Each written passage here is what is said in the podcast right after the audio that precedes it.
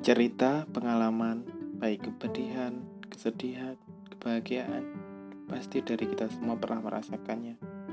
Ada hal-hal cerita yang mungkin menjadi favorit yang harus kita ceritakan kepada publik, yang harus mengeluarkan dari isi dalam kepala kita. Di baik, setiap minggu akan mengadakan sebuah cerita, entah itu dari pengalaman pribadi, sendiri, keluarga, teman, sahabat, rival, dan lainnya. Kita akan saling berbagi cerita itu. Semoga kalian senang. Selamat menikmati dan mendengarkan.